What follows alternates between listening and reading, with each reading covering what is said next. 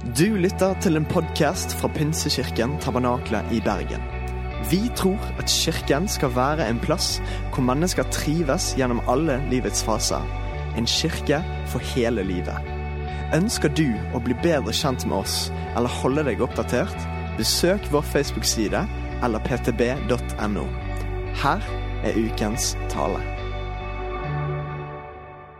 Vi skal snakke om, eh, eh, om Israel. Og det er, det er jo sånn at eh, vi som går i menighet og har gått i menighet i mange år, vi har en eller annen forståelse av at Israel har noe med oss å gjøre. Det har noe med Guds ord å gjøre og Guds plan og hensikt å gjøre.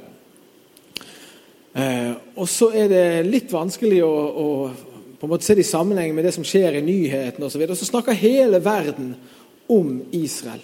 Hvis det er noe eh, som går igjen i utenriksnyhetene, så er det temaet Israel. Konflikten mellom Israel og palestinerne. Og så er det sånn at alle snakker om dette, men vi snakker altfor lite om det. Enda det angår oss, og det er noe vi burde interessere oss for. Og Derfor er det veldig kjekt å få lov til å si litt om det. Israel er 70 år fra 1948. De har stort jubileum der nå. Eh, og det er eh, sentrum for mange av verdens begivenheter. Eh, I de 70 årene så har Israel hatt krig på alle kanter. Den dagen Israel ble etablert, så erklærte flere av Israels naboland krig mot Israel. Og Den krigen har mer eller mindre vedvart i samtlige 70 år. Israel har inntrykk hver eneste, ikke bare hver eneste dag, hvert eneste minutt sammenlignet med de som levde for 50 eller 100 år siden, så får vi så massivt med informasjon som vi ikke klarer å bearbeide i løpet av en vanlig dag. Og Derfor er det sånn at kampen om vår oppmerksomhet den blir til syvende og sist kampen om historien. Kampen om å fortelle en historie som kan gripe oss og som kan engasjere oss. Jeg jobber som journalist. Og det er klart skal, Når jeg skal skrive om et tema, så, så, kan jeg ikke bare liste opp en masse fakta eh, og så en konklusjon og så vente at leseren skal interessere seg for det. Jeg er nødt til å ta leseren med på en reise. Jeg er nødt til å forklare en sammenheng. Og jeg er nødt til å engasjere leserens hjerte og sinn og tanker inn i det som jeg skriver om.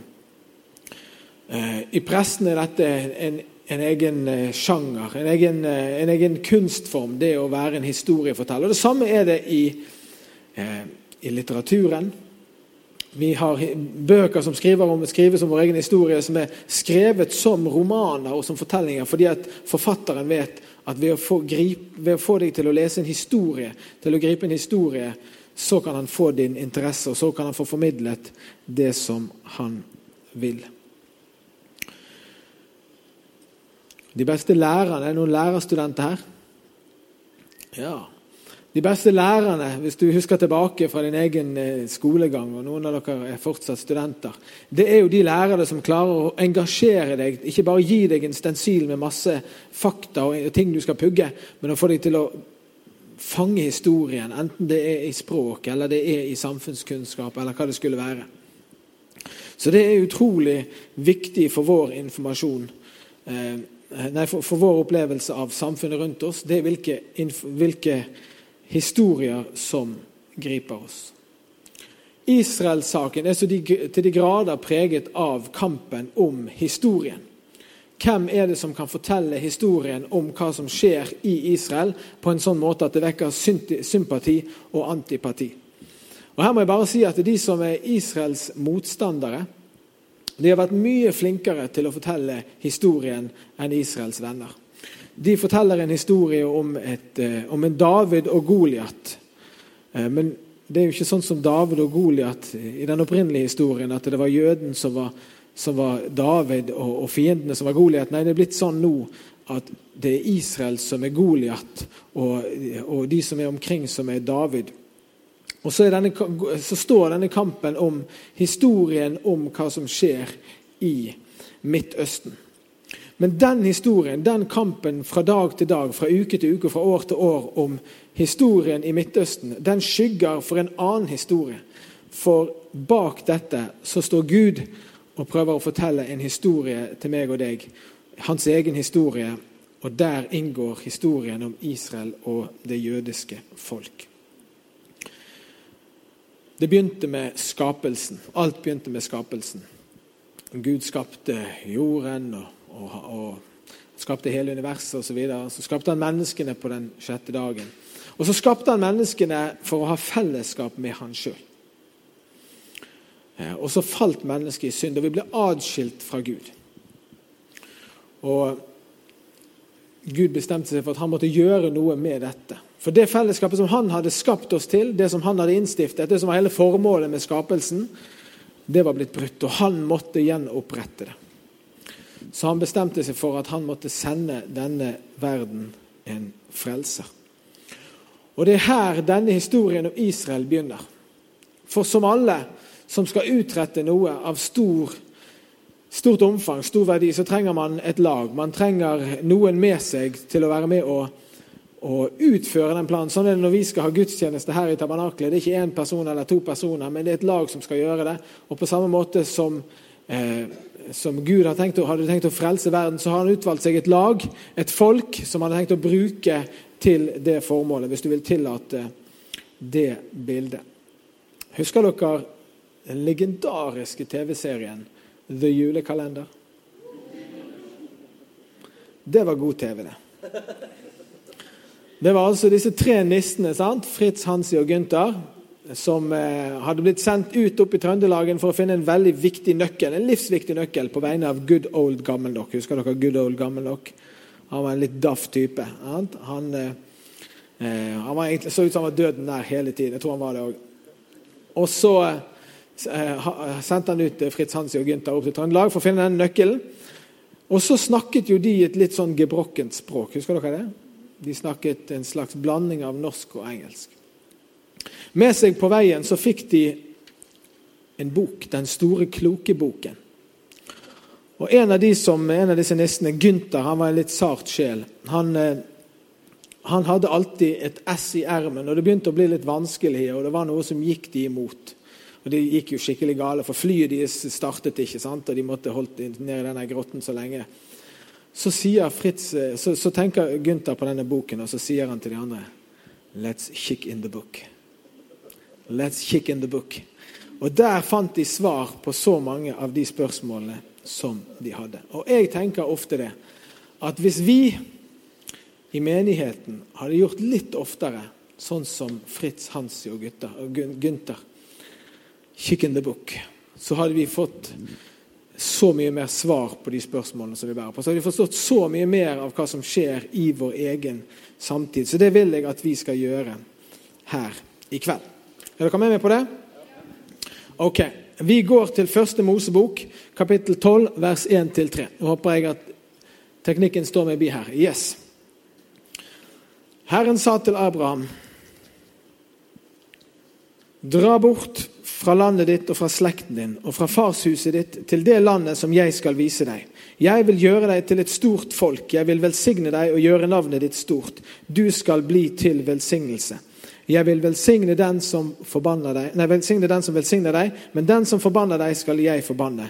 I deg skal alle slekter på jorden velsignes. Og så fortsetter han og inngår pakt med Abraham. Denne pakten den består av et land, som vi senere skal lære blir Israel. Den går ut på at han skal få et stort folk. Det er det folket som vi kjenner som jødefolket. Som i dag, 3500 år senere, fortsatt lever i beste velgående. På tross av at mange har forsøkt å utrydde de langs veien. Og det siste er at han skal, hans folk skal være, eller hans ett skal være en velsignelse til alle folk på jorden. I deg skal alle slekter på jorden velsignes. Og Bibelen forklarer senere hva den velsignelsen går ut på. Og Israel har betydd veldig mye eh, for mange av oss. Har, Jødefolket har de fleste nobelprisvinnere. De er ledende i så mye teknologi, og forskning og utvikling. De bringer på mange måter verden videre. Alle telefoner og PC-er og alt du eier og har, er, der er det komponenter utviklet i Israel.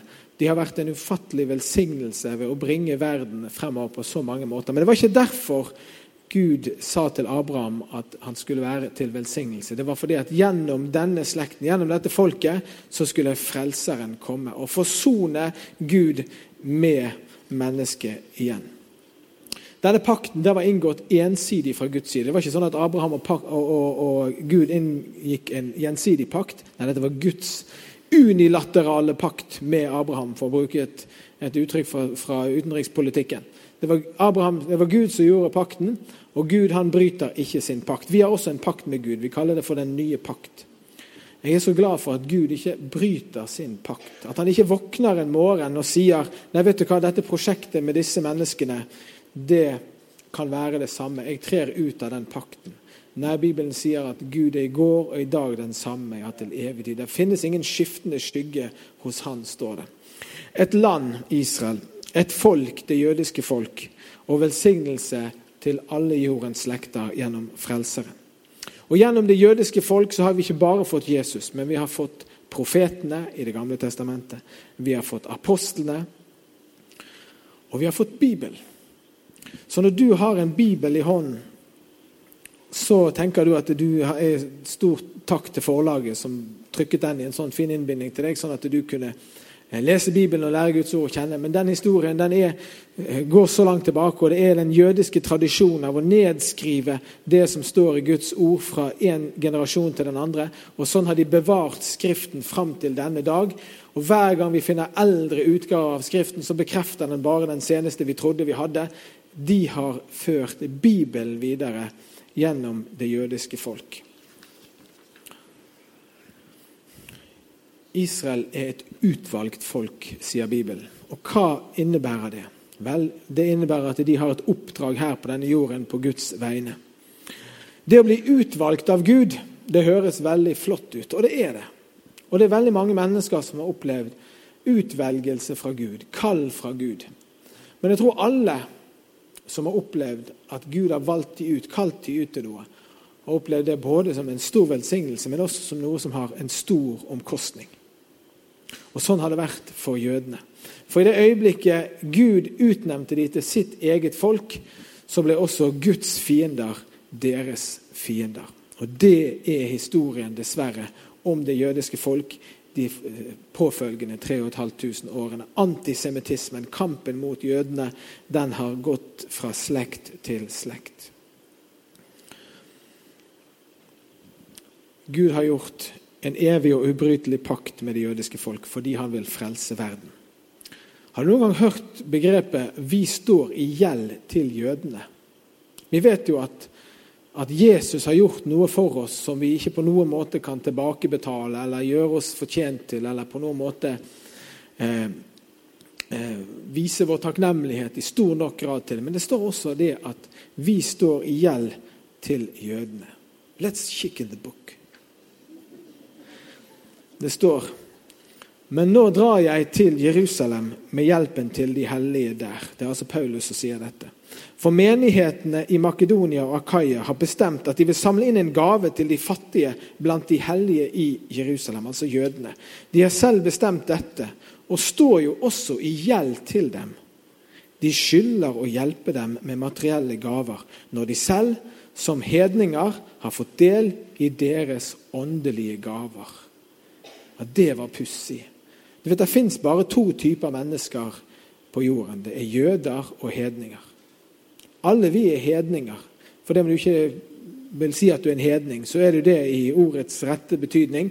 For Hvis ikke du er en jøde, så er du en hedning. Og vi som hedninger vi har fått del i jødenes åndelige velsignelser. Og derfor står vi i gjeld til jødene. Men i stedet for at Den kristne kirke gjennom 2000 år har anerkjent den gjelden vi står i til det jødiske folk, så er det en historie om forfølgelse, plaging og dessverre også drap på jøder. Fra folk som har gjort det, og fra kirker som har gjort det i den kristne kirkes navn, i Guds navn.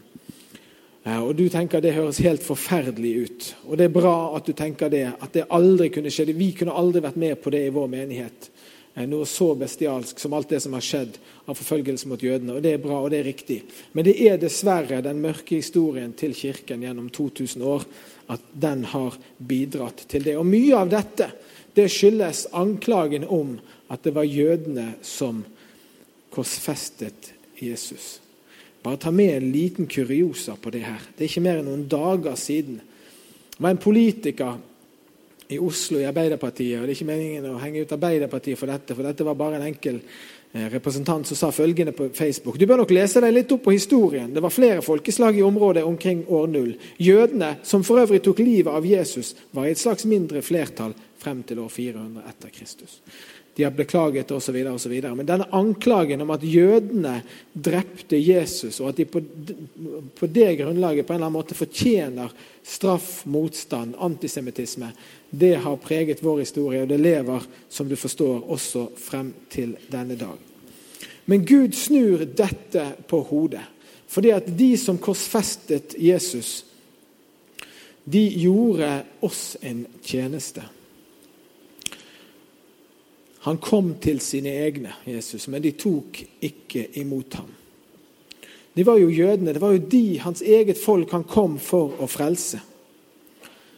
Og så er det vel ute med de, da, siden det var de som korsfestet Jesus. Da forkastet de Gud og hans frelsesplan, som han hadde startet helt ifra Abraham. Og før det så har vel også Gud forkastet jødene. Og her er vi inne på et av de store mysteriene i denne historien som Gud prøver å fortelle oss gjennom sitt ord, og som vi trenger å forstå, og som du kan skru av TV-en, for det har ingenting med det som skjer i nyhetene å gjøre i særlig grad, men det har med det som står i Bibelen å gjøre. Skal vi gå tilbake i Bibelen, i Salme 118, vers 22-24. Steinen som bygningsmennene vraket, er blitt hjørnestein, står det. Altså Kristus, Jesus, som jødene vraket, han er blitt hjørnestein. Så står det dette er Herrens eget verk. Underfullt er det i våre øyne. Dette er dagen som Herren har gjort. La oss juble og glede oss på den. Altså, når jødene forkastet Jesus, så var det Herrens eget verk. Det gir jo ingen logisk mening. I apostelgjerningene 3 så snakker Paulus til jødene, og så sier han følgende fra vers 15 til 18. Vi hopper over noe. Der står det Men livets opphavsmann drepte dere, han som Gud reiste opp fra de døde. Det er vi vitner om. Jeg vet nok, brødre, at dere handlet i uvitenhet, akkurat som rådsherrene deres. Men slik oppfylte Gud det han hadde latt alle profetene forkynne på forhånd, at hans Messias skulle lide. For det første, dere handlet i uvitenhet, står det. Hva var det Jesus sa når han hang på korset? Tilgi dem, for de vet ikke hva de gjør. Slik oppfylte Gud det han hadde latt alle profetene forkynne på forhånd. Det var Gud som satt det hele i scene. Vi tar et vers til fra Romane 11, vers 11 og 12. Snublet de, altså jødene Dette er et sentralt vers for å forstå vårt forhold til Israel. Eh, sentrale kapitler fra Romane 9-11. Snublet jødene for at de skulle falle? Nei. Deres fall gjorde at Frelseren kom til de andre folkene. Og så skulle jødene bli misunnelige på dem. Når deres fall har ført til rikdom for verden, og deres tap til rikdom for de andre folkene, hvor mye mer skal det ikke da bety at de kommer med i fullt tall? Det er mye vi kunne diskutert her. Men deres fall gjorde at frelsen kom til de andre folkene. Den kom til oss her i tabernaklet i kveld. Videre i samme kapittel så står det i vers 28 og 29. Dette er min pakt med dem når jeg tar bort syndene deres. På grunn av evangeliet er de blitt Guds fiender for at de, dere skal få frelsen. Men på grunn av utvelgelsen er de elsket av Gud for fedrenes skyld. For Gud angrer ikke sine, sine nådegaver og sitt kall. Altså Hele denne anklagen som har fulgt jødene gjennom historien, og som har vært det eh, ideologiske grunnlaget for å gjøre så mye urett mot dette folket, det gjorde de for at vi skulle bli frelst. Jeg kan nesten ikke ta dette inn på en kveld, for det er så uutgrunnelig at Gud kunne legge det til rette. De som korsfestet Jesus, de var med på Guds plan for at vi skulle bli frelst. Bli frelst. Altså Gud inngikk en pakt med Abraham. Frelsen kom til verden fra jødene. De forkastet frelseren for at vi skulle få del i frelsen, og vi står i gjeld til dem. Er du med meg så langt? Når du ser på nyhetene, så er det helt ok og helt riktig å være engasjert av det du ser der. Eh, og hvem som har gjort hva til enhver tid. Men du må også forstå at det er Guds plan som utspiller seg i Midtøsten. For Gud er nemlig ikke ferdig med sin historie. For det at vi vet at Jesus kom en gang for å dø på korset, for å, at vi skulle bli frelst. Og så har han sagt at han skal komme en gang til. Og der spiller jødene også en rolle. Jødene ble fordrevet fra Jerusalem i år 70 og var borte i nesten 2000 år. Alle andre folk har gått til grunne og forsvunnet og blitt til andre grupperinger osv. Men jødene har overlevd. Og Det som skjer, har skjedd siden 1948. Og vi som har et naturlig forhold til Israel som et annet land på kloden, vi vet nesten ikke hvor, hvilken spesiell del av historien vi lever i. Fordi at Før 1948 så var jo, det fantes ikke noe Israel. Det var vanskelig å forstå hva dette betydde. Men noe av det mest spektakulære i verdenshistorien det er at jødene kommer hjem igjen til Israel. Til det landet som Abraham ble lovet. Og Det ble profetert allerede i Gamle testamentet. I Esekiel 36 der sier, der sier han Jeg henter dere fra folkeslagene samler dere fra alle landene og fører dere hjem til deres eget land. Og Det er jo det som skjer i Israel. Jødene var spredt over hele verden. De har vært i Amerika, de har vært i Europa, de har vært eh, i Sør-Amerika, de har vært på alle kontinenter. Men siden 1948, siden jødene fikk sin egen stat i Israel, så har det forunderlige skjedd at hvert år så har det kommet jøder tilbake til Israel. Aldri skjedd med noe folk i verdenshistorien. Hvorfor er det viktig at jødene kommer tilbake til Israel? Er det fordi de fortjener et land? Ja, altså De fikk jo staten sin etter holocaust. sant? De hadde, ut, de hadde opplevd at seks millioner jøder hadde blitt utryddet bare fordi de var jøder. Ja, du kan trygt si at de fortjente et land, men ikke derfor. Er det fordi at Gud elsker jødene mer enn alle andre mennesker? Nei. Gud elsker alle mennesker like høyt. Jøder, palestinaarabere, nordmenn, svensker og dansker. Men forklaringen ligger i Esekiel 36 i vers 22, og vi får det opp her. Jeg griper ikke inn for deres skyld, Israels hus, men for mitt hellige navns skyld. Altså Gud bringer jødene tilbake til Israel, ikke for deres egen skyld, men fordi at han skal bringe ære til sitt eget navn.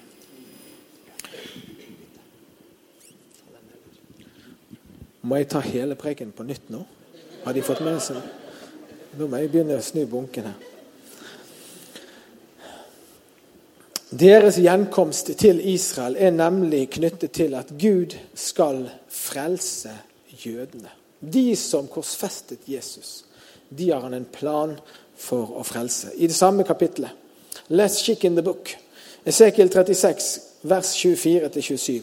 Jeg henter dere fra folkeslagene, samler dere fra alle land og fører dere hjem til deres eget land. Jeg stenker rent vann på dere, så dere blir rene. Jeg renser dere for all urenhet og for alle avgudene.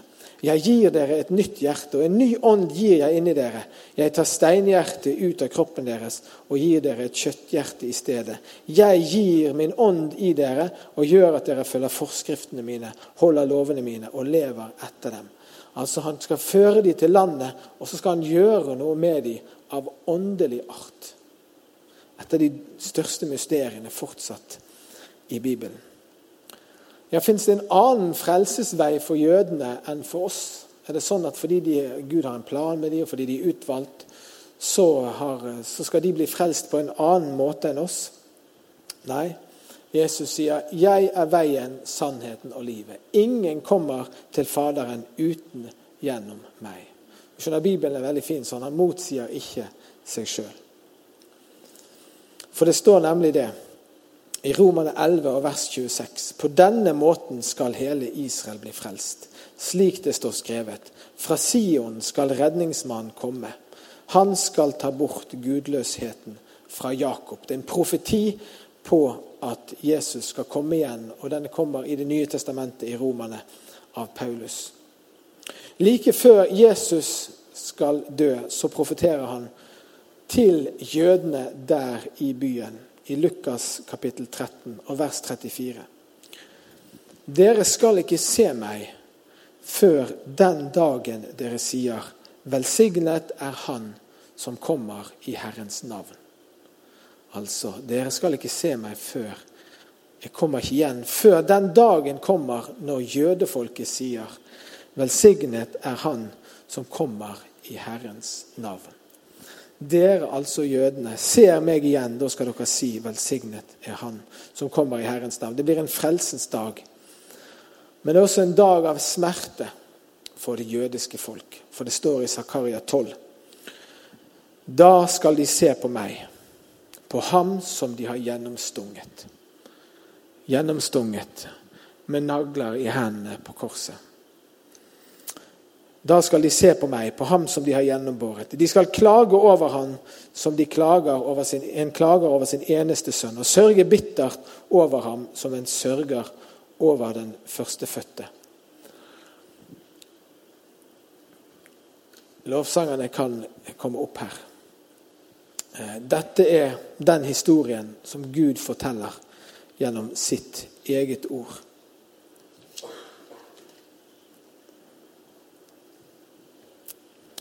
Om skapelse, om syndefall, om utvelgelsen av jødene. Om Messias som kom for å frelse verden. Om jødene som sa nei til Messias. Om frelse til deg og til meg. Om misjon til verdens ende, sånn som vi holder på med og til jødene skal komme tilbake, og Jesus skal komme igjen. Det finnes nemlig ikke to historier i Bibelen. Det er bare én historie. Jødene og kristenfolket og de som har tatt imot Jesus, vi er en del av den samme historieskrivingen.